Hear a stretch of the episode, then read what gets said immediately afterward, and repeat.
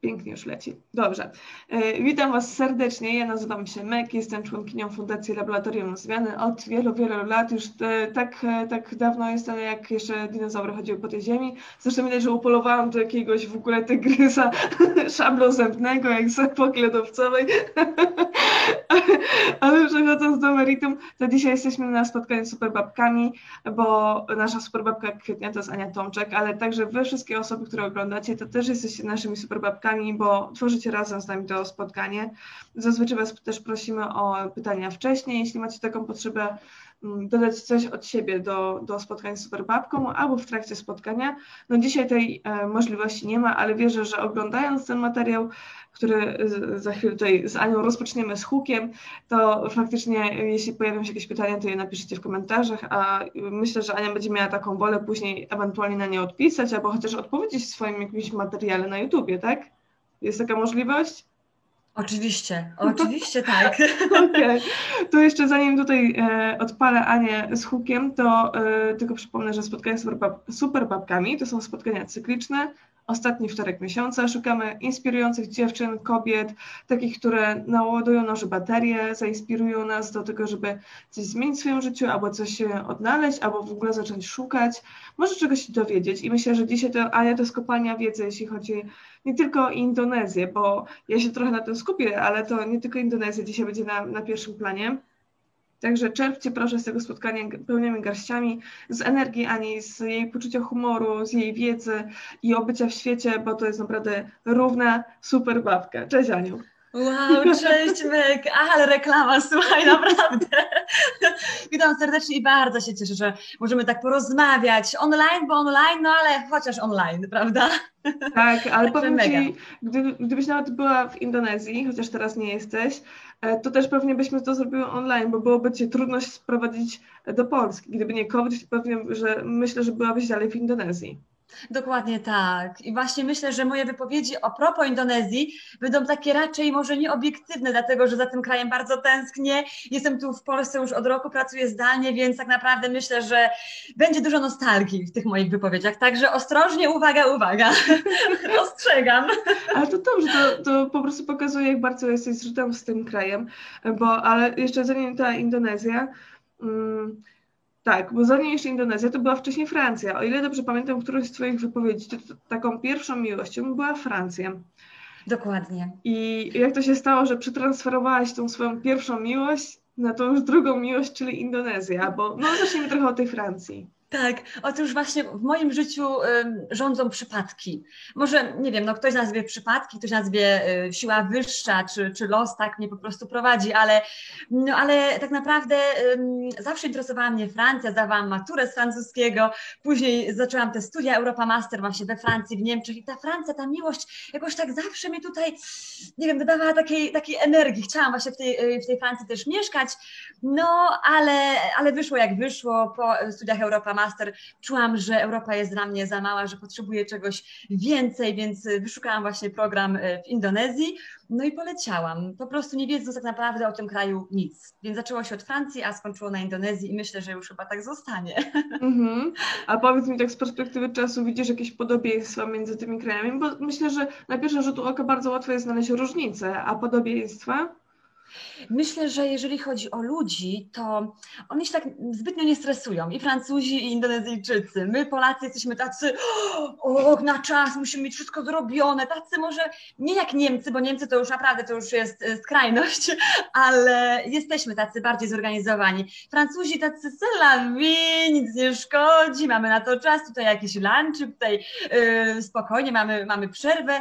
Więc w Indonezji też są te podobieństwa widoczne, aczkolwiek tam już jest taka naprawdę skrajność w drugą stronę. No ale o tym może później właśnie, o, tej, o tych mm. skrajnościach. Okej. Okay. Zaczęłam od, od tej Francji, ale też padło tutaj bardzo takie, myślę, ciekawe dla osób z zewnątrz, które Cię jakoś tak dokładnie nie znają, Twojej biografii, Europa Master. Mm, I o to też będę trochę zahaczyć, ale myślę, że to już teraz możemy zacząć ten wątek Europy Master, bo zrozum... Ja, ja wiem, że to są kierunek studiów, ale pytanie jest, e, czy mogłabyś coś więcej powiedzieć o tym, bo to chyba nie jest taki najczęściej wybierany kierunek studiów. Tak, tak. E, Europa Master to są takie studia trójstronne. Mm, e, studiujemy właśnie i we Francji, i w Niemczech, i w Polsce. Z tym, że ostatni semestr, no musimy e, jakby odbyć nasze praktyki, w jakim kraju chcemy. Nie musi być to jakaś instytucja polityczna, ale muszą to być jakby praktyki związane właśnie no, z Europą, z Unią Europejską, z kulturą.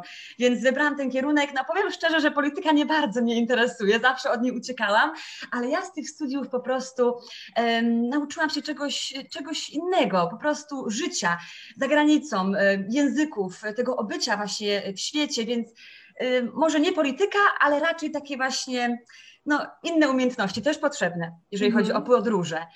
Tak, mhm. także, e, także nie było łatwo i zawsze właśnie mówiłam, że jak te studia przetrwam, to mogę wszystko. Mogę wszystko i, chyba tak jest. Mm. No na pewno przetrwałaś i to przetrwałaś też w różnych warunkach, w sensie myślę też tutaj o tych zagranicznych, ale właśnie może trochę ubiegłaś moje pytanie, bo chciałam Cię spytać, czy gdybyś drugi raz wybierała studia, to czy byś wybrała Europa Master? E, zdecydowanie. Tak, zdecydowanie dlatego, że tak jak właśnie wspomniałam, y, no, wiele osób właśnie ode mnie z, z roku Europa Master faktycznie pracuje właśnie czy w parlamencie, czy w takich instytucjach politycznych. Tak naprawdę jak każdy się mnie pytał, no dobrze Ania, a ty co będziesz robić po studiach? E, ja mówiłam, że będę po prostu podróżować, robić filmy, a wszyscy za mnie tak, okej, okay, dobra, super, takie studia, to będziesz jeździć, nie wiem, filmy sobie kręcić, ale, ale właśnie mówię, że te studia nie tylko kształcą właśnie w tych kierunkach takich, takich ściśle politycznych, czy czy prawniczych, ale właśnie dają coś więcej. I ja jestem, myślę, tego przykładem, więc zdecydowanie wybrałabym te studia, bo mi bardzo pomogły, chociaż naprawdę było ciężko, bo y, kierunek właśnie, y, znaczy, no, semestr we Francji był tylko po francusku, więc musieliśmy się uczyć po francusku. Tam nawet osoba odpowiedzialna za stosunki międzynarodowe nie mówi po angielsku, więc to wszystko było po francusku. Także to był naprawdę wielki skok dla mnie, bo ja też na początku miałam problemy z angielskim na pierwszym semestrze, dlatego że Wiadomo, że jak się gdzieś podróżuje i używa się kali jeść, kali pić, może jakieś podstawowe y, słówka, jakieś konwersacje, to to jest ok, ale żeby uczyć się o polityce, czytać, mm, pisać y, nawet magisterkę później właśnie w trzech językach, korzystając właśnie z tych źródeł w trzech, y, w trzech językach, to naprawdę jest y, coś i, i myślę, że naprawdę mnie to tak rozwinęło. Jestem bardzo wdzięczna. Było warto, także mm, polecam. Mm. Myślę sobie też o swoich studiach. E, też w języku obcym studiowałam e, Applied Gender Studies i dla mnie też to było wyzwanie to, co powiedziałaś o tym, że pisać magisterkę, czy, czy uczyć się, e, czy czytać język akademicki, który w ogóle od języka użytkowego jest diametralnie różny. I jeszcze do tego zrobić to w języku obcym jest to nie lada wyzwanie. Mm, ale myślę, że mogę spokojnie podpisać się pod Twoimi słowami. Po prostu ta wprawa języku obcym i to, to, jak wiele się nauczyłam po prostu poza planem zajęć, to jest e, no, coś nie do przecenienia. I cieszę się, że to padło z Twoich ust e, o tych innych umiejętnościach, umiejętnościach społecznych, bo dużo młodych osób nas ogląda, takich, które za chwilę będą się zastanawiać, co ze sobą dalej. I myślę, że wciąż jeszcze pokutuje takie przekonanie, że no jak studia, to później już w zawodzie, e, albo żeby te studia właśnie były bardzo takie zawodowe i bardzo kierunkowe. E, no i właśnie tutaj trochę wybrzmiało to inaczej z naszych ust. Tak, oczywiście. Ja tak powiem szczerze, że na początku w ogóle nie wiedziałam, co chcę robić w życiu y, po maturze. Miałam takie mniej więcej właśnie no, chciałam y, studiować coś z, właśnie z językiem francuskim, coś z podróżami, coś z AWF-em, z turystyką. No i oczywiście też składałam swoje dokumenty i w ogóle miałam egzaminy w szkole aktorskiej, ale nic nie wyszło. Y, oczywiście zostałam przyjęta na, na, na AWF, na studia filologii romańskiej, czy, czy na, na, te właśnie poboczne, aczkolwiek y, czułam, że to jeszcze jest nie to. I po rozmowie właśnie z rodziną, z rodzicami, z rodzeństwem, yy, doszłam do wniosku, no może to dziennikarstwo faktycznie, spróbuję. I złożyłam swoje dokumenty, pamiętam, w ostatnim terminie, 10 minut przed y, zakończeniem rekrutacji. Ja po prostu biegłam wtedy z mojej pracy takiej y, dorywczej. Biegnę, biegnę, biegnę, złożyłam dokumenty, mówię, no dobra, okej, okay, spróbuję. I tak naprawdę miałam rezygnować. Po kilku miesiącach mówiłam, to nie dla mnie, to jest bez sensu, co ja tutaj w ogóle robię? Ale później ta społeczność akademicka mnie tak wciągnęła, y, telewizja Seta, w Opolu, czy radiosygnały, czy ten wolontariat. Mówię, no nie, ja tu zostaję, halo, halo, ja tutaj mogę wszystko połączyć, języki i podróże i tą pasję, do, do, no, którą później odkryłam do, do opowiadania, do nagrywania filmów, więc to jest niesamowite, naprawdę. Także czasami warto chyba zaufać, nie wiem, intuicji, albo po prostu zaryzykować warto po prostu spróbować i, a, a się uda.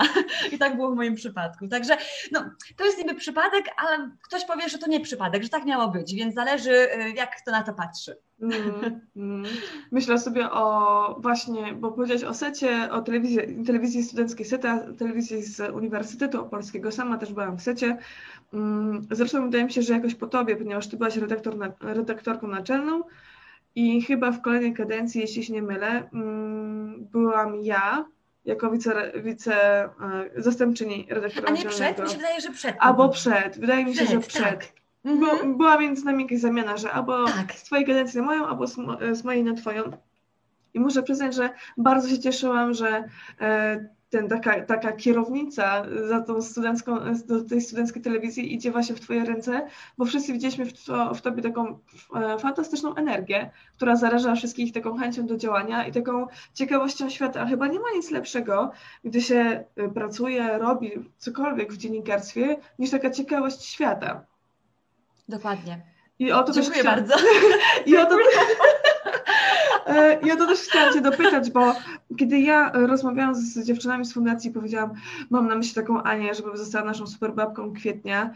I ja nazwałam Ciebie youtuberką, i wydaje mi się, że też w którejś zapowiedzi użyłam słowa youtuberka, a później się długo zastanawiałam, czy to jest faktycznie właściwe słowo dla ciebie, bo sama siebie określuję w swojej krótkiej biografii, którą nam przysłałaś, dziennikarką. I powiedz mi, czy ty widzisz jakąś różnicę Mm, między bycie, byciem youtuberką, robienie YouTube'a, a bycie dziennikarką? Y, oczywiście, dlatego że ja teraz YouTube nie traktuję jako takie moje no, główne źródło zarobku, dlatego że ja tych zarobków nie mam na YouTubie, więc gdybym może y, utrzymywała się z YouTube'a, miałabym milion subskrypcji, oczywiście bym się uznawała jako YouTuberka, y, która jakby też przyjmuje różnego rodzaju mm, współpracę i tak dalej. A teraz to jest jakby na no w stylu, to jest moje hobby, ja to bardzo lubię robić i mam nadzieję, że to w przyszłości się właśnie wydarzy, że będę mogła z tego zarabiać, dlatego że y, no, taka wolność y, wypowiedzi i wolność realizowania materiałów, jakie się chce, to jest naprawdę, myślę, bardzo ważna sprawa i bardzo bym chciała właśnie to robić, bo myślę, że niektóre właśnie telewizje czy media nas bardzo ograniczają, a te nowe media pozwalają nam jakby na tą, na tą wolność. Dziennikarstwo, a youtuberka.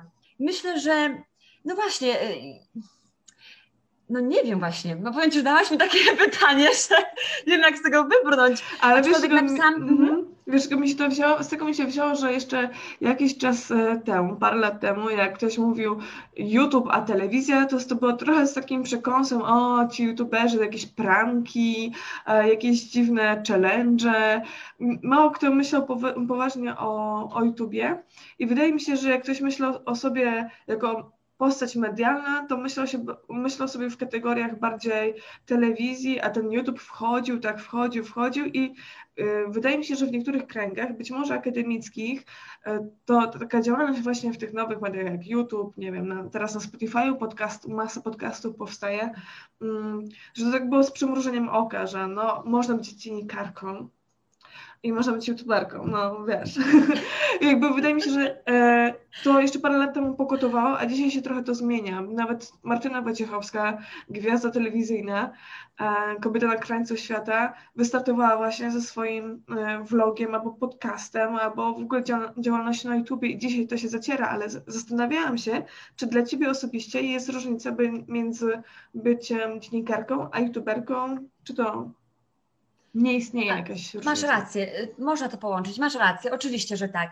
Aczkolwiek ja na przykład na swoim YouTubie nie publikuję jeszcze takich materiałów, jakie chciałabym publikować, dlatego że mam w planach właśnie takie też y, bardziej takie no, poważniejsze y, reportaże, dokumenty, ale ich jeszcze nie publikuję, więc tak naprawdę ciężko mi właśnie jakby połączyć. Być może teraz jestem bardziej youtuberką, jeżeli ktoś sobie włączy mojego vloga, niż dziennikarką, bo tych właśnie materiałów, form dziennikarskich raczej nie ma na moim YouTubie. Może tam są dwa takie materiały, ale faktycznie zgadzam się z tym, że można teraz to wszystko połączyć i nawet, y, nawet będąc y, dziennikarzem, publikując filmy na YouTubie, ktoś może wypatrzeć nas i być może właśnie też rozpocząć jakąś współpracę właśnie też, e, nie wiem, w mediach czy w różnego rodzaju innych środkach. Także, także tak, masz rację, zgadzam się z tym oczywiście. Mm -hmm. Zastanawiam się, bo mówisz, że gdybyś miała tam pół miliona subskrypcji, ale moja droga, ty masz 50 tysięcy subskrypcji, 50 tysięcy użytkowników i użytkowniczek internetu, YouTube'a konkretnie, stwierdziła, ok, chcę ją obserwować, więc proszę tutaj się nie deprecjonować, 50 tysięcy to jest naprawdę fajny kawałek publiczności. Znaczy, to jest jakby y, początek, naprawdę początek, dlatego że ja mam ogromne plany y, w stosunku, znaczy, jeżeli chodzi o Indonezję, bo nie oszukujmy się, tych y, subskrybentów jest najwięcej z Indonezji, jest to aż 95%, także ja tak naprawdę mówię do Indonezyjczyków i jakby mm, też, może nie podkładam swoje tematy pod nich, ale tam z tyłu głowy mam coś, że okej, okay, muszę mówić do nich, prawda? Bo Polacy mnie, można powiedzieć, nie znają tak zbytnio tutaj w Polsce, jeżeli chodzi o YouTube'a. Dlatego właśnie tam z tyłu głowy to jest. E, no ale, ale jak właśnie wspomniałam, no plany są ogromne i mam nadzieję, że już po tej pandemii, aczkolwiek mam nadzieję, no już w tym roku będę mogła coś działać e, więcej i, i pokazać Wam tą. Indonezję. -hmm. Za moment dopytam Cię o te plany, ale e, no ja już obejrzałam milion Twoich filmików i twórczości. Może nie wszyscy jeszcze przebrnęli przez to e, wszystko, co przygotowałaś dla nas, mm, ale jakbyś mogła parę słów powiedzieć, jakie materiały możemy znaleźć u Ciebie na kanale? Tak, e, w pierwszej kolejności ja się skupiam na życiu lokalnych mieszkańców, bo dla mnie to jest po prostu takie coś naprawdę niesamowitego, dlatego że no, jak widzimy e, YouTube innych właśnie podróżników, osób, to one jakby skupiają się na tych takich turystycznych miejscach, plaże, czy takie, nie wiem, no, no najbardziej znane miejsca, prawda? Które oczywiście są bardzo piękne i też warte zobaczenia, ale mnie interesuje ten backstage, bo tak naprawdę y, kraj, y, jakby, nie wiem, no, funkcjonowanie kraju i, i, wygląd kraju zależy od, od, ludzi, od tych takich najmniejszych, zwykłych mieszkańców. I to mnie najbardziej interesuje, ich problemy, yy, ich postrzeganie świata, więc naprawdę właśnie te lokalne klimaty można znaleźć, głównie o Indonezji. Yy, no i oczywiście te różnice kulturowe, bo to mnie bardzo interesuje. Yy, jak jest w Polsce, jak jest w Europie, jak jest w Indonezji, dlaczego tak jest, jak możemy się zachować, żeby, nie wiem, nie urazić yy, inne osoby. Także myślę, że właśnie te różnice kulturowe, a także lokalstwo i to życie właśnie, to zwykłe życie w innych krajach, to, to tak, jeżeli macie ochotę tego pooglądać i to, tego posłuchać, to, to właśnie można znaleźć. Ja e, bardzo mi się podobały te materiały typu e, słuchamy indonezyjskich piosenek, oceniamy, później słuchamy polskich piosenek i tam, i tam e, też właśnie je, je, oceniamy. Że śniadanie z Balijką e, w, w Krakowie, Balijką, dobrze odmieniłam, tak. Mieszka, mhm. mieszkanka ba, Bali, Balijka. E, takie właśnie rozmowy tutaj twoje mm, z różnymi osobami. Na plantacji kawy przecież też byłaś. E, tych materiałów z różnych zakątków Indonezji i z różnych dziedzin życia, a nawet części dnia codziennego tam normalnie można znaleźć. Ja bym to nazwała normalnie dziennikarstwem uczestniczącym, obserwacją uczestniczącą, czyli materiałem często takim dziennikarskim. Tak, dziękuję bardzo, aczkolwiek właśnie mówię, że ja tego tak na razie nie traktuję, dlatego że mam właśnie w planach takie naprawdę poważniejsze formy, poważniejsze tematy, jak na przykład wycinka lasów na Borneo w Indonezji, co jest wielkim problemem, y, gdzie korporacje, te największe firmy po prostu, no tak powiem, no, y, używają korupcyjnych, prawda, y, środków i przekupują te lokalne władze i robią po prostu tam, co chcą, więc to są takie tematy, które trzeba poruszać, y, czy na przykład, nie wiem, kwestia plastiku, środowiska w, właśnie w Indonezji, na wyspach, to jest właśnie to, jest właśnie to co po prostu musimy, o którym musimy pamiętać i o którym musimy informować innych. Mhm, mhm.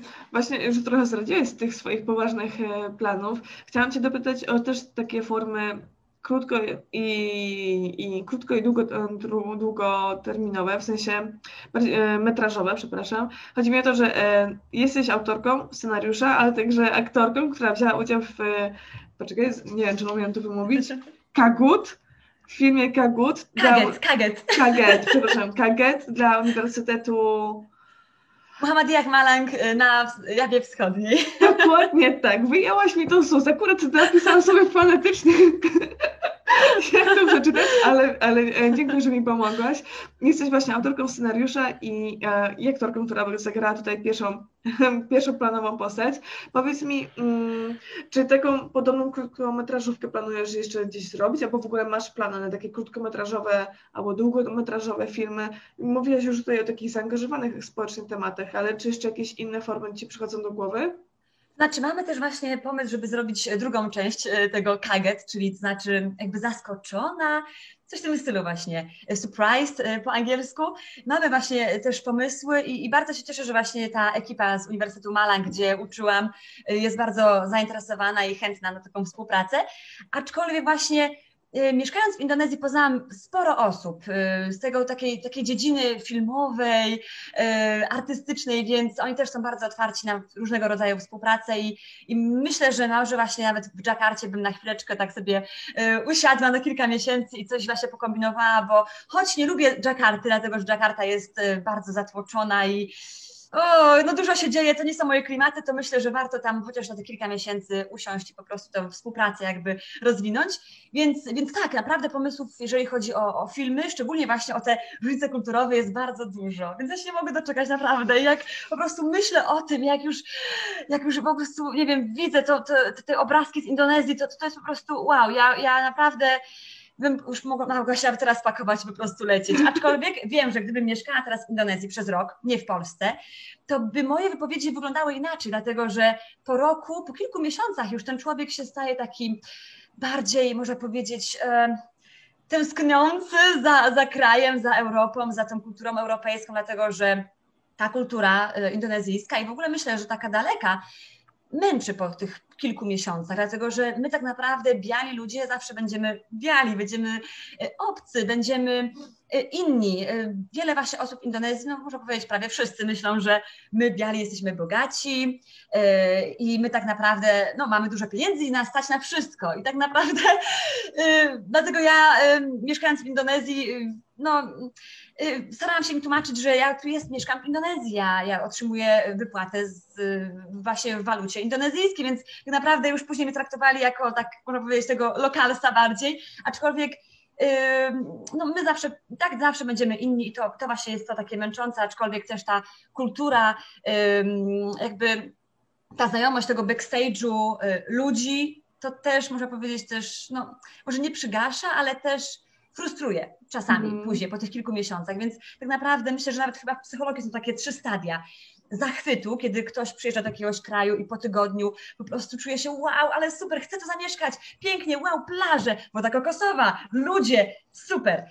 Drugi etap jest taki, że po prostu widzimy, dostrzegamy te wady, że nie jest tak idealnie, jak myśleliśmy na początku, e, rozpoczynają się jakieś problemy, więc e, i w tym momencie to zależy od nas, naszej psychiki i też nastawienia, czy my zostajemy w tym kraju, czy wyjeżdżamy. No i później już jest takiej stagnacji, ten trzeci etap, kiedy po prostu zostajemy i akceptujemy, nie staramy się jakby też zmieniać tych ludzi, bo myślę, że nie o to chodzi. Sporo osób przyjeżdża i, i krytykuje, nie mam ciepłej wody, yy, pająki, ludzie na przykład, nie wiem, budzą się o piątej Y, albo nawet o trzeciej, nie, o, o piątej, o, przed piątą na, na modlitwę, prawda, bo Jawa jest na przykład wyspą muzułmańską i w ogóle Indonezja jest krajem muzułmańskim w większości, więc jest kilka takich przykładów, ale myślę, że naprawdę je, jadąc z jakiegoś kraju, mieszkając tam, nie możemy, naprawdę nie możemy tych europejskich wartości przekazywać, bo bo po prostu będzie zgrzyt kulturowy i, i, my po prostu musimy to zrozumieć. I z taką gotowością, z taką y, czystą kartą, tabula rasa, musimy jechać i musimy właśnie tą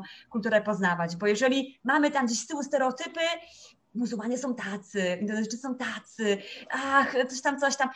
Nie, nie ma sensu, nie ma sensu. To możemy zostać od razu w domu, bo to nie ma sensu, uważam. Mm. tak. Myślę sobie o tym, co powiedziałaś o takich założeniach co do koloru skóry, że ona się konkretnie wiąże z jakimś statusem majątkowym albo z jakimś kapitałem. Ja sobie mm, przypominam też, jak okej, okay, spędziłam go swojego Erasmusa w kraju europejskim, w Grecji, mhm. Mm, ale zakładano, że jestem z pochodzenia Niemką. I jakby jakby jeśli chodzi o finanse, Niemcy, a Polska stoją trochę inaczej. Więc mam takie wrażenie, że czasem mi proponowano takie stawki niemieckie, w różnych gdzieś tam pubach albo w ogóle jakoś to dziwnie teraz zabrzmiało, teraz sobie o tym pomyślałam, tak?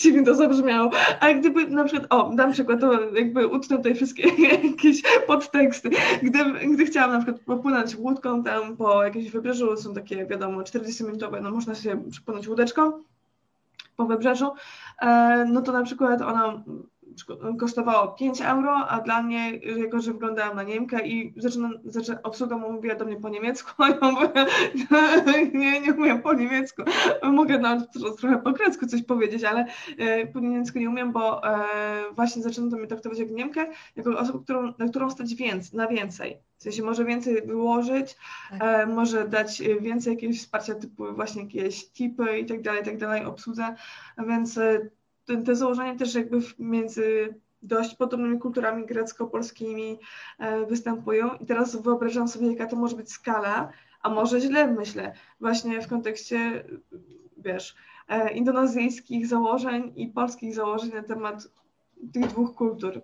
Być tak. może wyolbrzymiam to za bardzo, a może nie. nie. Nie, oczywiście, oczywiście tak, to się zgadza, a szczególnie na wyspie turystycznej, jaką jest Bali. Znaczy sporo osób w ogóle uważa, że Bali to nie jest Indonezja, to jest Indonezja, więc myślę też, że to jest y, widoczne właśnie szczególnie na tej wyspie, aczkolwiek myślę, że jak ktoś już na ten indonezyjski, to może się dogadać, y, y, może jakąś taką, nie wiem, takie przełamać te lody, prawda, oni już wiedzą, o, ona mieszkała na Jawie, okej, okay, ona już zna naszą kulturę, to jest coś inaczej, aczkolwiek nie do końca, dlatego że nawet Balijczycy i mieszkańcy innych wysp, szczególnie Balijczycy, biorą więcej pieniędzy właśnie od mieszkańców innych wysp, dlatego że oni tak naprawdę, tak naprawdę bardziej się wspierają właśnie tej, jeżeli chodzi, właśnie zamykają się w sferze swojej wyspy, więc te stereotypy nie dotyczą tylko obcokrajowców, ale też właśnie no, mieszkańców Indonezji, tak? więc to jest też widoczne.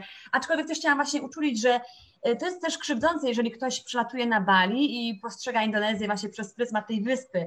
Wow, y, hotele super wysokiej jakości, y, naprawdę jakość w ogóle jest wszystkiego, bo tam tak na Bali można powiedzieć jest europejsko. Nie we wszystkich miejscach, ale głównie jest europejsko. Więc to jest krzywdzące, jeżeli ktoś myśli, że tak wygląda cała Indonezja, że też właśnie dominuje na przykład hinduizm, bo na Bali właśnie jest taka religia więc myślę, że jeżeli ktoś leci na Bali, nawet nie, niezależnie na jaką wyspę, musi mieć świadomość tego, że Indonezja jest bardzo zróżnicowanym i yy, naprawdę no, różnorodnym krajem pod względem kulturowym, religijnym, tradycji, wszystkiego, więc yy, myślę, że musimy o tym pamiętać. Bo nawet jeżeli ktoś powiedzmy przyleci najpierw nie na Bali, ale na Papułę i zobaczy plemiona, które latają y, skąpo, ubra, skąpo będą skąpo ubranym, zakrywając tylko ten pewny narze, jakby narządy, prawda? No to też pomyśli, wow, Indonezja jest taka. Nie, nie, to, to nie. Każda wyspa jest inna, więc musimy o tym pamiętać. Mm to, to jest kurde tak ważne, nawet w kontekście, mm, wydaje mi się, takich, e, no ja będę z perspektywy swojej europejskiej opowiadać, że mhm. jak już mm, trochę zjeździłam tych europejskich stolic, nie dużo, ale jednak trochę, to jest różnica i zawsze staram się to gdzieś mieć z tyłu głowy, ale do tego też e, mm, właśnie studia moje genderowe mnie przygotowały, że stolica, a reszta kraju to jest zawsze ogromna różnica. I jeśli ja powiem, że byłam w Portugalii, a tak naprawdę byłam tylko w Lizbonie, to tak naprawdę ja widziałam tylko Lizbonę, tak jak ty widziałaś Bali. I ta Lizbona, tak samo jak to Bali, jest może być zupełnie inna od reszty kraju.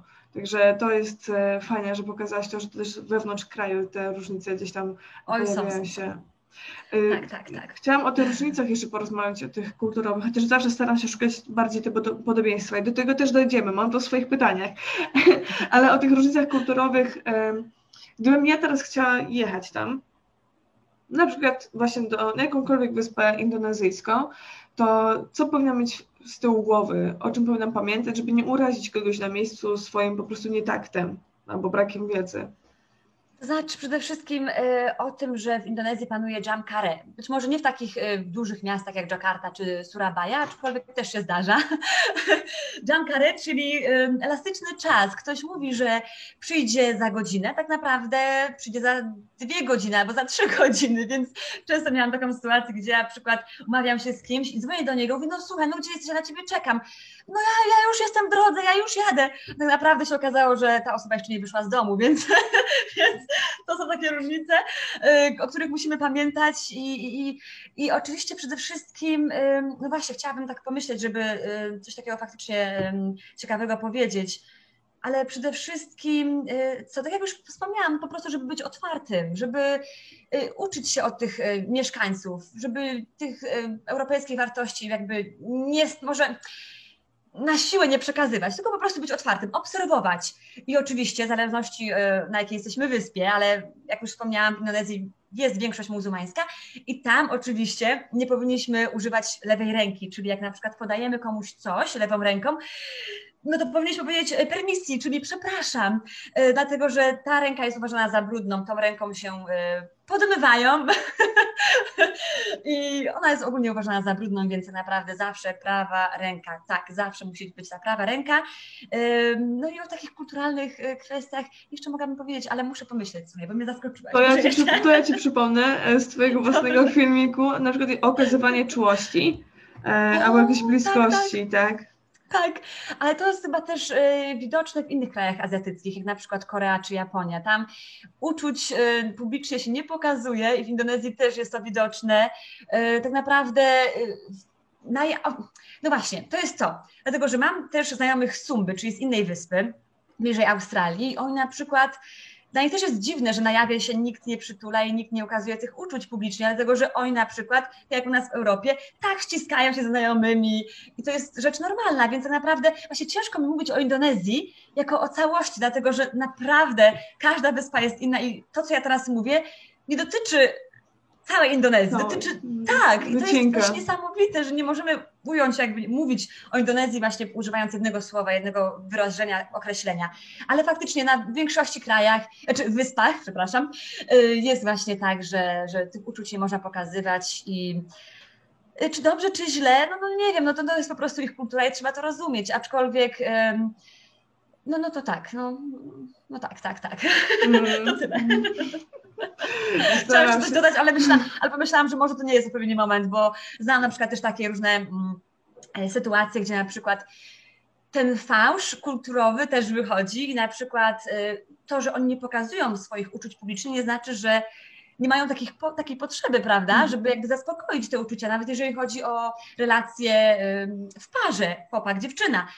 Więc tak naprawdę y, dowiedziałam się właśnie po pewnym czasie, że na przykład na, u nas na uniwersytecie jest pewien rodzaj dziewczyn, tak zwanych prostytutek, które używają i noszą określony rodzaj hijabu, które mieszkają w określonym właśnie akademiku i które takie usługi też jakby oferują. Tak naprawdę to nie znaczy, że to jest kraj muzułmański, bardzo konserwatywny, jeżeli chodzi o to. Może nie, nie tak bardzo jak Aceh, ta prowincja Indonezji, gdzie tam na przykład też chłostają na ulicy osoby e, odmiennej, e, czy osoby powiedzmy homoseksualne. Więc y, tak naprawdę to, to, w Indonezji tak całe nie jest, ale, ale jest to również widoczne. I, i, i właśnie jak widzimy, te takie mm, e, różne sytuacje też się zdarzają, to niezależnie, czy to jest Europa, czy to Indonezja, każdy ma jakieś potrzeby, prawda? Nie, no tak, no jak najbardziej, to bez dwóch zdań. Myślę sobie jeszcze o. Um Myślałam sobie też o, o, takich różnicach, ale chyba chciałabym się teraz, teraz trochę bardziej skupić na podobieństwach, bo Indonezja i Polska mają te same kolory flagi, więc to już jest ten sam punkt zaczepienia. Zresztą e, nie, niebawem będziemy wieszać flagi na 1 i 3 maja, także e, jakby ktoś do góry nogami zawiesił, to może okazać się, że, że to jest, e, są kolory indonezyjskie, a nie polskie. Jakie widzisz podobieństwa, jeśli chodzi o nasz kraj, naszą cywilizację, a naszą kulturę bardziej, no i kulturę, którą znasz z, z Indonezji? Tak, a propos tej flagi właśnie, to często na, na Dzień Niepodległości w Indonezji w sierpniu, który przypada, w każdej wiosce, w każdym mieście wieszano mnóstwo flag, więc naprawdę ja wychodziłam na zewnątrz i czułam się jak w Polsce. Mówię, jejku, mój kraj, bo te barwy są widoczne wszędzie i też właśnie często się śmialiśmy, że Pięknie już leci. Dobrze. E, witam Was serdecznie. Ja nazywam się Mek, jestem członkinią Fundacji Laboratorium Zmiany od wielu, wielu lat. Już e, tak, e, tak dawno jestem, jak jeszcze dinozaury chodziły po tej ziemi. Zresztą widać, że upolowałam do jakiegoś w ogóle tygrysa szablozębnego, jak z epoki lodowcowej. Ale przechodząc do meritum, to dzisiaj jesteśmy na spotkaniu z superbabkami, bo nasza superbabka kwietnia to jest Ania Tomczek, ale także Wy, wszystkie osoby, które oglądacie, to też jesteście naszymi superbabkami spotkani, bo tworzycie razem z nami to spotkanie. Zazwyczaj Was też prosimy o pytania wcześniej, jeśli macie taką potrzebę, mm, dodać coś od siebie do, do spotkań z Superbabką albo w trakcie spotkania. No dzisiaj tej e, możliwości nie ma, ale wierzę, że oglądając ten materiał, który za chwilę tutaj z Anią rozpoczniemy z hukiem, to faktycznie jeśli pojawią się jakieś pytania, to je napiszcie w komentarzach, a myślę, że Ania będzie miała taką wolę później ewentualnie na nie odpisać, albo chociaż odpowiedzieć w swoim jakimś materiale na YouTubie, tak? Jest taka możliwość? Oczywiście, oczywiście tak. Okay. to jeszcze zanim tutaj e, odpalę Anię z hukiem, to e, tylko przypomnę, że spotkania z super, babkami to są spotkania cykliczne, ostatni wtorek miesiąca. Szukamy inspirujących dziewczyn, kobiet, takich, które naładują nasze baterie, zainspirują nas do tego, żeby coś zmienić w swoim życiu, albo coś odnaleźć, albo w ogóle zacząć szukać, może czegoś się dowiedzieć. I myślę, że dzisiaj to Ania to jest kopalnia wiedzy, jeśli chodzi nie tylko o Indonezję, bo ja się trochę na tym skupię, ale to nie tylko Indonezja dzisiaj będzie na, na pierwszym planie. Także czerpcie proszę z tego spotkania pełnymi garściami, z energii Ani, z jej poczucia humoru, z jej wiedzy i obycia w świecie, bo to jest naprawdę równa super babka. Cześć Aniu. Wow, cześć Meg, ale reklama, słuchaj, naprawdę. Witam serdecznie i bardzo się cieszę, że możemy tak porozmawiać online, bo online, no ale chociaż online, prawda? Tak, ale powiem Ci, gdy, gdybyś nawet była w Indonezji, chociaż teraz nie jesteś, to też pewnie byśmy to zrobiły online, bo byłoby Ci trudność sprowadzić do Polski. Gdyby nie COVID, pewnie, że myślę, że byłabyś dalej w Indonezji. Dokładnie tak. I właśnie myślę, że moje wypowiedzi o propos Indonezji będą takie raczej może nieobiektywne, dlatego że za tym krajem bardzo tęsknię. Jestem tu w Polsce już od roku, pracuję zdalnie, więc tak naprawdę myślę, że będzie dużo nostalgii w tych moich wypowiedziach. Także ostrożnie, uwaga, uwaga. Ostrzegam. Ale to dobrze, to, to po prostu pokazuje, jak bardzo jesteś zżytą z tym krajem. Bo, ale jeszcze zanim ta Indonezja. Um, tak, bo zanim jeszcze Indonezja, to była wcześniej Francja. O ile dobrze pamiętam którąś z Twoich wypowiedzi, to, to taką pierwszą miłością była Francja. Dokładnie. I jak to się stało, że przetransferowałaś tą swoją pierwszą miłość na tą już drugą miłość, czyli Indonezja? Bo no zacznijmy trochę o tej Francji. Tak, otóż właśnie w moim życiu rządzą przypadki. Może, nie wiem, no ktoś nazwie przypadki, ktoś nazwie y, siła wyższa, czy, czy los tak mnie po prostu prowadzi, ale, no, ale tak naprawdę zawsze interesowała mnie Francja, zdawałam maturę z francuskiego, później zaczęłam te studia Europa Master właśnie we Francji, w Niemczech i ta Francja, ta miłość jakoś tak zawsze mi tutaj, nie wiem, wydawała takiej, takiej energii. Chciałam właśnie w tej, y, w tej Francji też mieszkać, no ale, ale wyszło jak wyszło po studiach Europa master, czułam, że Europa jest dla mnie za mała, że potrzebuję czegoś więcej, więc wyszukałam właśnie program e, w Indonezji, no i poleciałam, po prostu nie wiedząc tak naprawdę o tym kraju nic. Więc zaczęło się od Francji, a skończyło na Indonezji i myślę, że już chyba tak zostanie. Mm-hmm. A powiedz mi tak z perspektywy czasu, widzisz jakieś podobieństwa między tymi krajami? Bo myślę, że na pierwszy rzut oka bardzo łatwo jest znaleźć różnice, a podobieństwa? Myślę, że jeżeli chodzi o ludzi, to oni się tak zbytnio nie stresują. I Francuzi, i Indonezyjczycy. My, Polacy, jesteśmy tacy, o, na czas, musimy mieć wszystko zrobione. Tacy może nie jak Niemcy, bo Niemcy to już naprawdę to już jest e, skrajność, ale jesteśmy tacy bardziej zorganizowani. Francuzi tacy selawi, nic nie szkodzi, mamy na to czas, tutaj jakieś lunchy, tutaj yy, spokojnie mamy, mamy przerwę. Więc w Indonezji też są te podobieństwa widoczne, aczkolwiek tam to już jest taka naprawdę skrajność w drugą stronę. No ale o tym może później właśnie, o, tej, o tych mm. skrajnościach. Okej. Okay. Zaczęłam od, od tej Francji, ale też padło tutaj bardzo takie, myślę, ciekawe dla osób z zewnątrz, które Cię jakoś tak dokładnie nie znają, Twojej biografii, Europa Master. Mm, I o to też będę trochę zahaczyć, ale myślę, że to już teraz możemy zacząć ten wątek Europy Master, bo zrozum... Ja, ja, wiem, że to są kierunek studiów, ale pytanie jest, e, czy mogłabyś coś więcej powiedzieć o tym, bo to chyba nie jest taki najczęściej wybierany kierunek studiów. Tak, tak. E, Europa Master to są takie studia trójstronne. Mm, e, studiujemy właśnie i we Francji, i w Niemczech, i w Polsce. Z tym, że ostatni semestr, no musimy e, jakby odbyć nasze praktyki, w jakim kraju chcemy. Nie musi być to jakaś instytucja polityczna, ale muszą to być jakby praktyki związane właśnie no, z Europą, z Unią Europejską, z kulturą. Więc wybrałam ten kierunek. No powiem szczerze, że polityka nie bardzo mnie interesuje, zawsze od niej uciekałam, ale ja z tych studiów po prostu nauczyłam się czegoś, czegoś innego, po prostu życia za granicą, języków, tego obycia właśnie w świecie, więc może nie polityka, ale raczej takie właśnie no, inne umiejętności też potrzebne, jeżeli chodzi o Mhm. podróże. Tak, Mhm. także, y, także nie było łatwo i zawsze właśnie mówiłam, że jak te studia przetrwam, to mogę wszystko. Mogę wszystko i, i chyba tak jest. Mm, No na pewno przetrwałaś i to przetrwałaś też w różnych warunkach, w sensie myślę też tutaj o tych zagranicznych, ale właśnie może trochę ubiegłaś moje pytanie, bo chciałam Cię spytać, czy gdybyś drugi raz wy- wybierała studia, to czy byś wybrała Europa Master? Y, Zdecydowanie. Tak, zdecydowanie dlatego, że tak jak właśnie wspomniałam, y, no, wiele osób właśnie ode mnie z, z roku Europa Master faktycznie pracuje właśnie czy w parlamencie, czy w takich instytucjach politycznych. Tak naprawdę każdy się mnie pytał, no dobrze Ania, a ty co będziesz robić po studiach?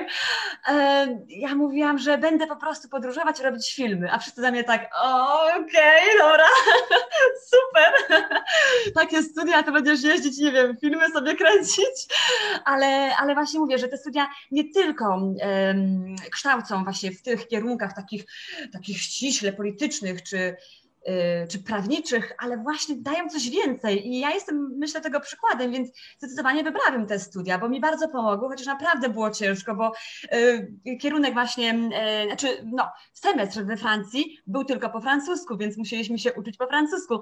Tam nawet y, osoba odpowiedzialna za stosunki międzynarodowe nie mówi po angielsku, więc to wszystko było po francusku.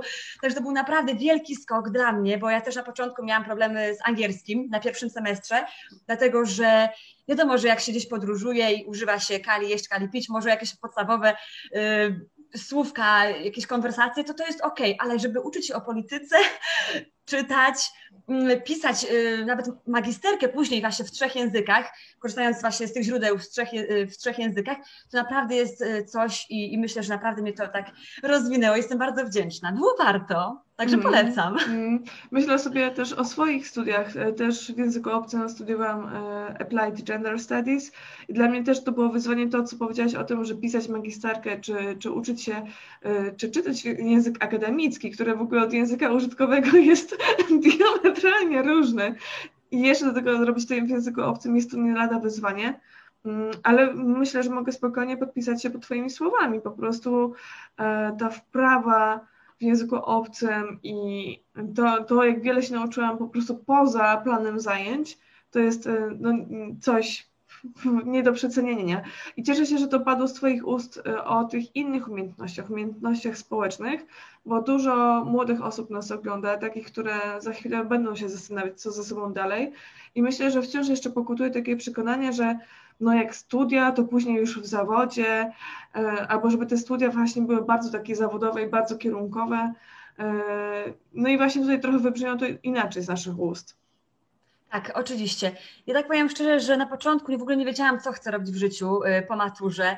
Miałam takie mniej więcej właśnie, no chciałam studiować coś właśnie z językiem francuskim, coś z podróżami, coś z AWF-em, z turystyką. No i oczywiście też składałam swoje dokumenty i w ogóle miałam egzaminy w szkole aktorskiej, ale nic nie wyszło.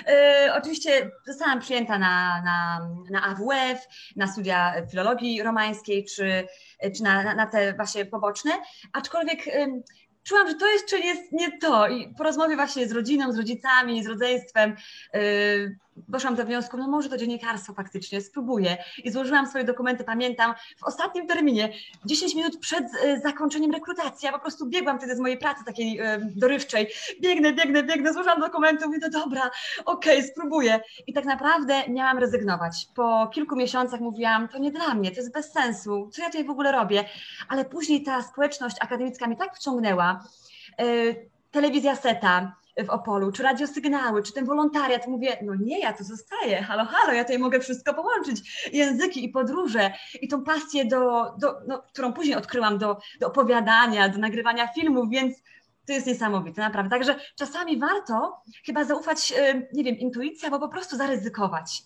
Warto po prostu spróbować i, a, a nuż się uda. I tak było w moim przypadku. Także no, to jest niby przypadek, ale ktoś powie, że to nie przypadek, że tak miało być, więc zależy, y, jak kto na to patrzy. Mm, mm. Myślę sobie o właśnie, bo powiedziałeś o secie, o telewizji, telewizji studenckiej SETA, telewizji z Uniwersytetu Opolskiego. Sama też byłam w secie. Mm, Zresztą wydaje mi się, że jakoś po tobie, ponieważ ty byłaś redaktor na, redaktorką naczelną i chyba w kolejnej kadencji, jeśli się nie mylę, mm, byłam ja jako wice, wice e, zastępczyni redaktora A nie przed? Mi się wydaje, że przed. Albo przed, wydaje mi się, przed, że przed. Tak. Mhm. była między nami jakaś zamiana, że albo tak. z twojej kadencji na moją, albo z, z mojej na twoją.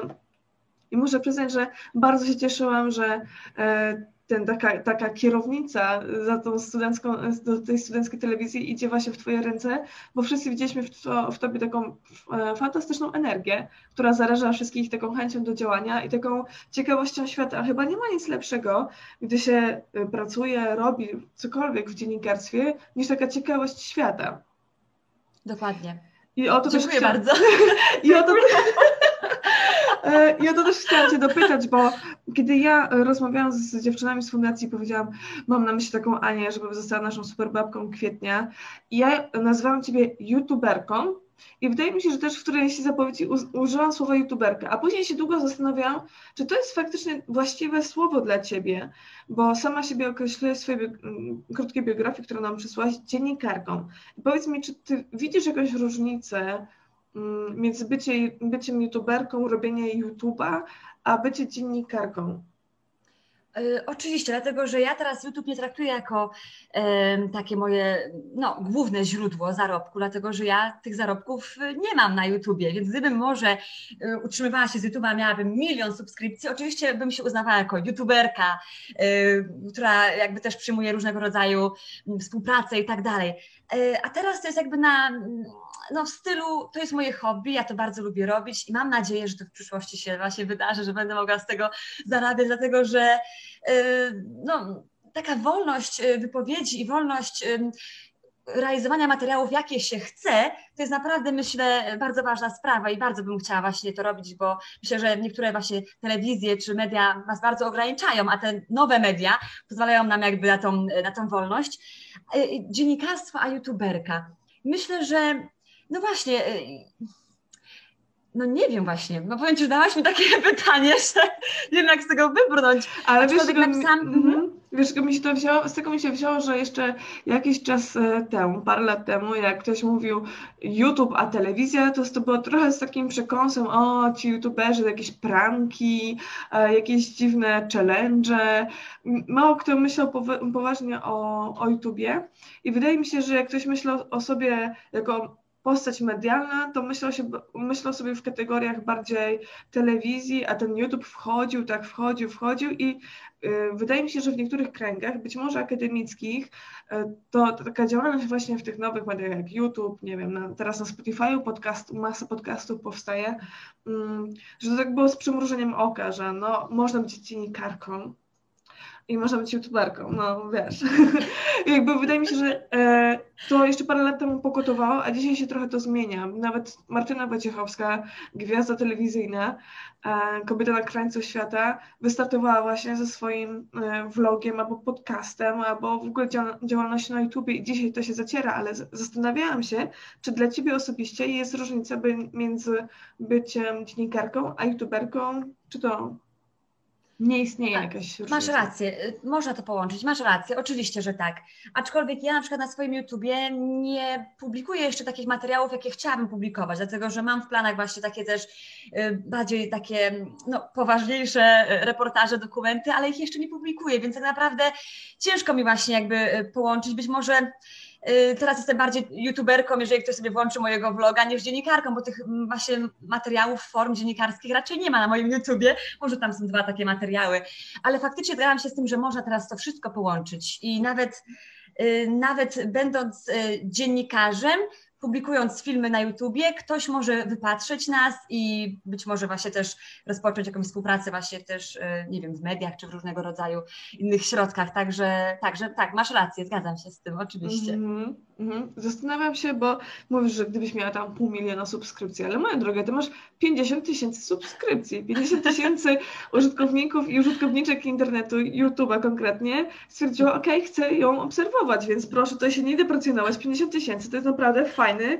kawałek publiczności. Znaczy, to jest jakby y, początek, naprawdę początek, dlatego że ja mam ogromne plany y, w stosunku, znaczy jeżeli chodzi o Indonezję, bo nie oszukujmy się, tych subskrybentów jest najwięcej z Indonezji, jest to aż 95%, także ja tak naprawdę y, mówię do Indonezyjczyków i jakby mm, też y, może nie podkładam swoje tematy pod nich, ale tam z tyłu głowy mam coś, że okej, okay, muszę mówić do nich, prawda? Bo Polacy mnie, można powiedzieć, nie znają tak zbytnio tutaj w Polsce, jeżeli chodzi o YouTube'a. Dlatego właśnie tam z tyłu głowy to jest. E, no ale, ale jak właśnie wspomniałam, no plany są ogromne i mam nadzieję, że już po tej pandemii, aczkolwiek mam nadzieję, no już w tym roku będę mogła coś działać e, więcej i, i pokazać Wam tą mhm. Indonezję. Mhm. Za moment dopytam Cię o te plany, ale e, no ja już obejrzałam milion Twoich filmików i, i twórczości. Może nie wszyscy jeszcze przebrnęli przez to e, wszystko, co przygotowałaś dla nas, mm, ale jakbyś mogła parę słów powiedzieć, jakie materiały możemy znaleźć u Ciebie na kanale?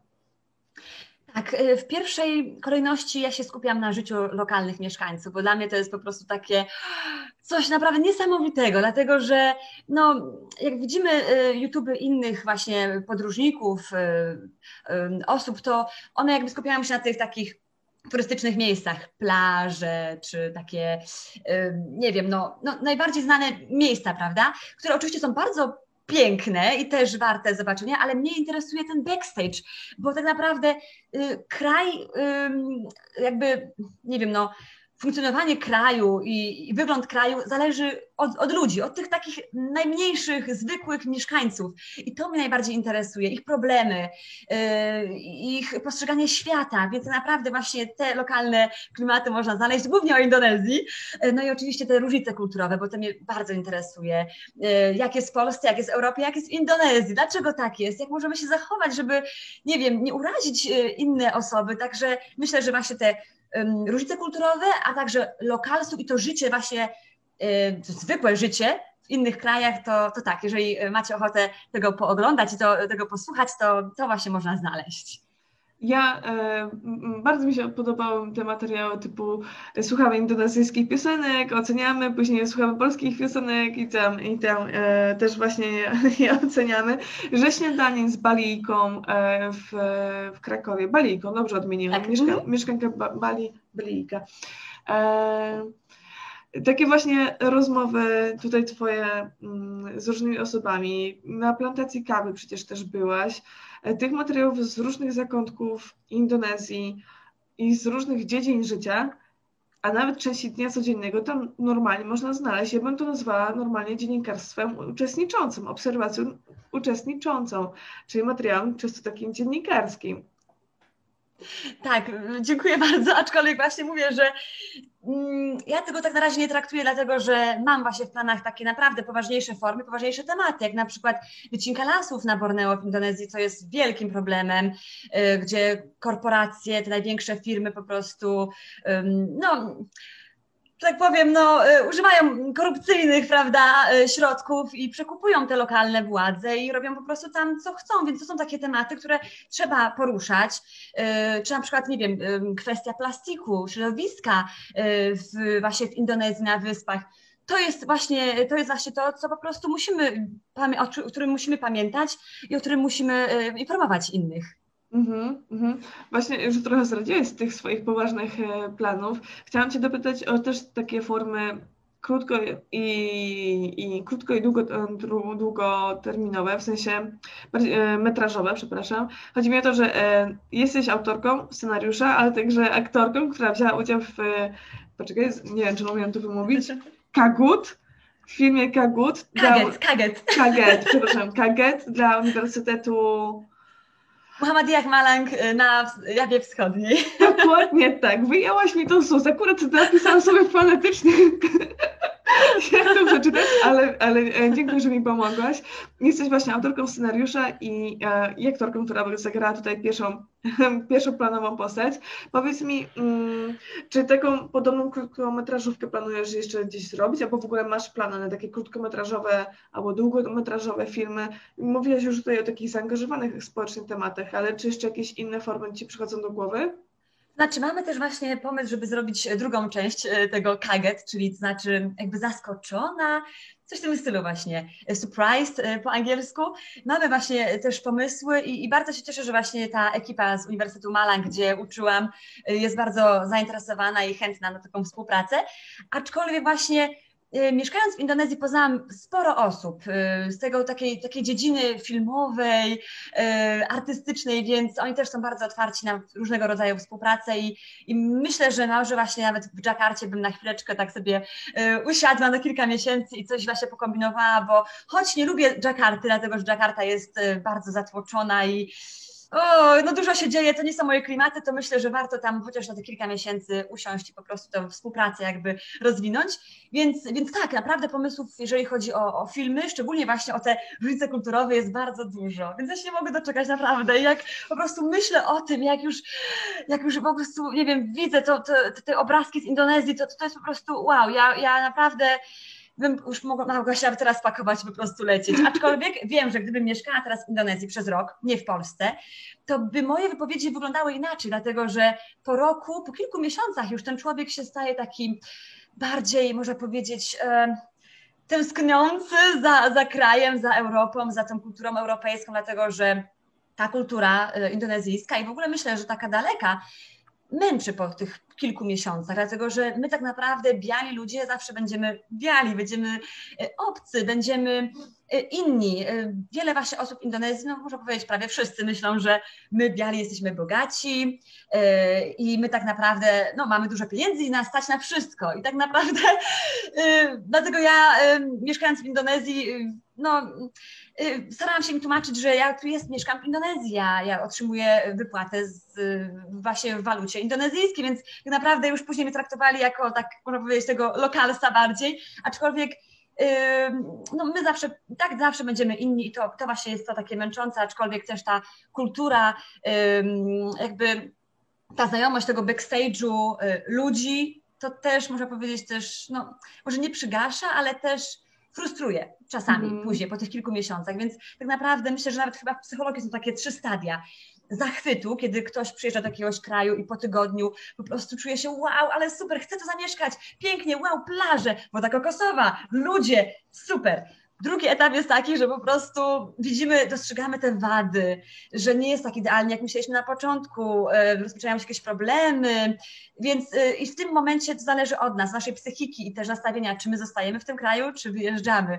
No i później już jest takiej stagnacji, ten trzeci etap, kiedy po prostu zostajemy i akceptujemy, nie staramy się jakby też zmieniać tych ludzi, bo myślę, że nie o to chodzi.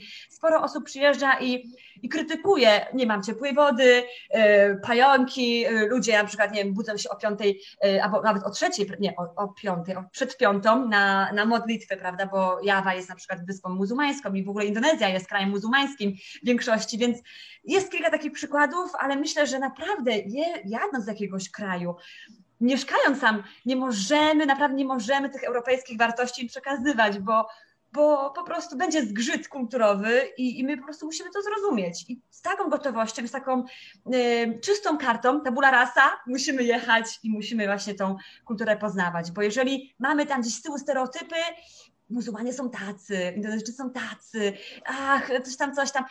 Nie, nie ma sensu, nie ma sensu. To możemy zostać od razu w domu, bo to nie ma sensu, uważam. Mm. tak.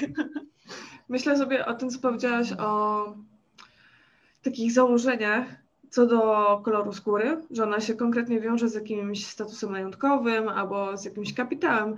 Ja sobie mm, przypominam też, jak okej, okay, spędziłam go swojego Erasmusa w kraju europejskim, w Grecji, mhm. Mm, ale zakładano, że jestem z pochodzenia Niemką. I jakby jakby jeśli chodzi o finanse, Niemcy, a Polska stoją trochę inaczej.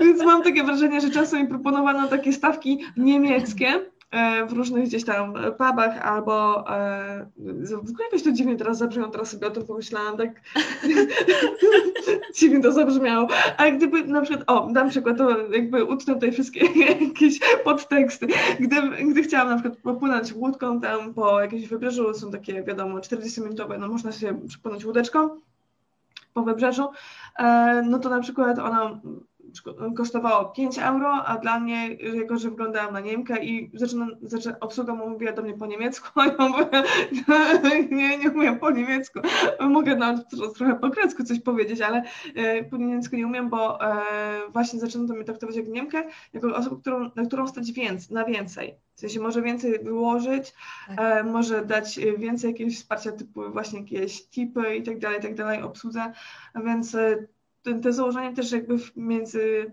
dość podobnymi kulturami grecko-polskimi e, występują i teraz wyobrażam sobie, jaka to może być skala, a może źle myślę, właśnie w kontekście, wiesz, e, indonezyjskich założeń i polskich założeń na temat tych dwóch kultur. Być tak. może wyolbrzymiam to za bardzo, a może nie. nie. Nie, oczywiście, oczywiście tak, to się zgadza, a szczególnie na wyspie turystycznej, jaką jest Bali. Znaczy sporo osób w ogóle uważa, że Bali to nie jest Indonezja, to jest Indonezja, więc myślę też, że to jest y, widoczne właśnie szczególnie na tej wyspie, aczkolwiek myślę, że jak ktoś już zna ten indonezyjski, to może się dogadać, y, y, może jakąś taką, nie wiem, takie przełamać te lody, prawda, oni już wiedzą, o, ona mieszkała na Jawie, okej, okay, ona już zna naszą kulturę, to jest coś inaczej, aczkolwiek nie do końca, dlatego że nawet Balijczycy i mieszkańcy innych wysp, szczególnie Balijczycy, biorą więcej pieniędzy właśnie od mieszkańców innych wysp, dlatego że oni tak naprawdę, tak naprawdę bardziej się wspierają właśnie tej, jeżeli chodzi, właśnie zamykają się w sferze swojej wyspy, więc te stereotypy nie dotyczą tylko obcokrajowców, ale też właśnie no, mieszkańców Indonezji, tak? więc to jest też widoczne. Aczkolwiek też chciałam właśnie uczulić, że to jest też krzywdzące, jeżeli ktoś przylatuje na Bali i postrzega Indonezję właśnie przez pryzmat tej wyspy. Wow, e, hotele super wysokiej jakości, e, naprawdę jakość w ogóle jest wszystkiego, bo tam tak na Bali można powiedzieć jest europejsko. Nie we wszystkich miejscach, ale głównie jest europejsko.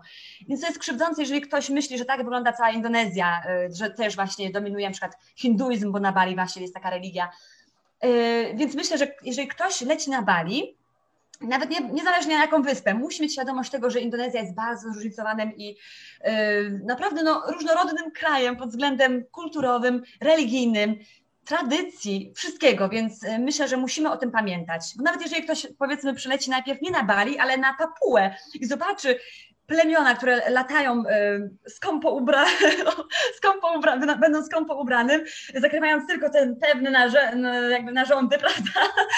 No to też pomyśli, wow, Indonezja jest taka. Nie, nie, to, to nie. Każda wyspa jest inna, więc musimy o tym pamiętać.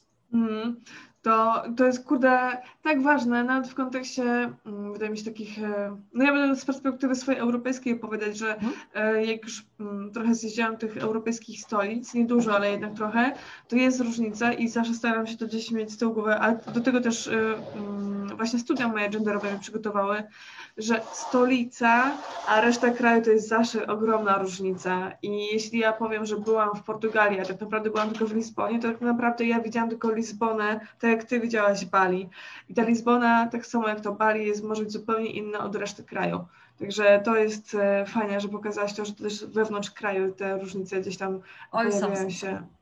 Y, tak, tak, tak. Chciałam o tych różnicach jeszcze porozmawiać, o tych kulturowych, chociaż zawsze staram się szukać bardziej tego podobieństwa i do tego też dojdziemy, mam to w swoich pytaniach, ale o tych różnicach kulturowych, gdybym ja teraz chciała jechać tam, na przykład właśnie do, na jakąkolwiek wyspę indonezyjską, to co powinna mieć z tyłu głowy, o czym powinnam pamiętać, żeby nie urazić kogoś na miejscu swoim po prostu nietaktem albo brakiem wiedzy?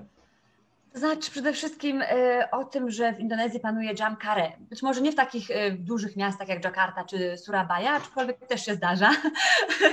jam kare, czyli elastyczny czas. Ktoś mówi, że przyjdzie za godzinę, tak naprawdę przyjdzie za dwie godziny albo za trzy godziny, więc często miałam taką sytuację, gdzie na przykład umawiam się z kimś i dzwonię do niego mówię, no słuchaj, no gdzie jesteś, ja na ciebie czekam. No ja, ja już jestem w drodze, ja już jadę. Tak naprawdę się okazało, że ta osoba jeszcze nie wyszła z domu, więc, więc to są takie różnice, y, o których musimy pamiętać i, i, i oczywiście przede wszystkim, y, no właśnie, chciałabym tak pomyśleć, żeby y, coś takiego faktycznie ciekawego powiedzieć ale przede wszystkim, co tak jak już wspomniałam, po prostu, żeby być otwartym, żeby uczyć się od tych mieszkańców, żeby tych europejskich wartości jakby nie, może na siłę nie przekazywać, tylko po prostu być otwartym, obserwować. I oczywiście, w zależności e, na jakiej jesteśmy wyspie, ale jak już wspomniałam, w Indonezji jest większość muzułmańska i tam oczywiście nie powinniśmy używać lewej ręki, czyli jak na przykład podajemy komuś coś lewą ręką, no to powinniśmy powiedzieć e, permisji, czyli przepraszam, e, dlatego że ta ręka jest uważana za brudną, tą ręką się podmywają i ona jest ogólnie uważana za brudną, więc naprawdę zawsze prawa ręka, tak, zawsze musi być ta prawa ręka. No i o takich kulturalnych kwestiach jeszcze mogłabym powiedzieć, ale muszę pomyśleć sobie, bo mnie zaskoczyłaś. To ja ci, to ja ci przypomnę z twojego własnego filmiku, na przykład okazywanie czułości. albo jakiejś bliskości, tak? tak. tak. Tak, ale to jest chyba też y, widoczne w innych krajach azjatyckich, jak na przykład Korea czy Japonia. Tam uczuć y, publicznie się nie pokazuje i w Indonezji też jest to widoczne.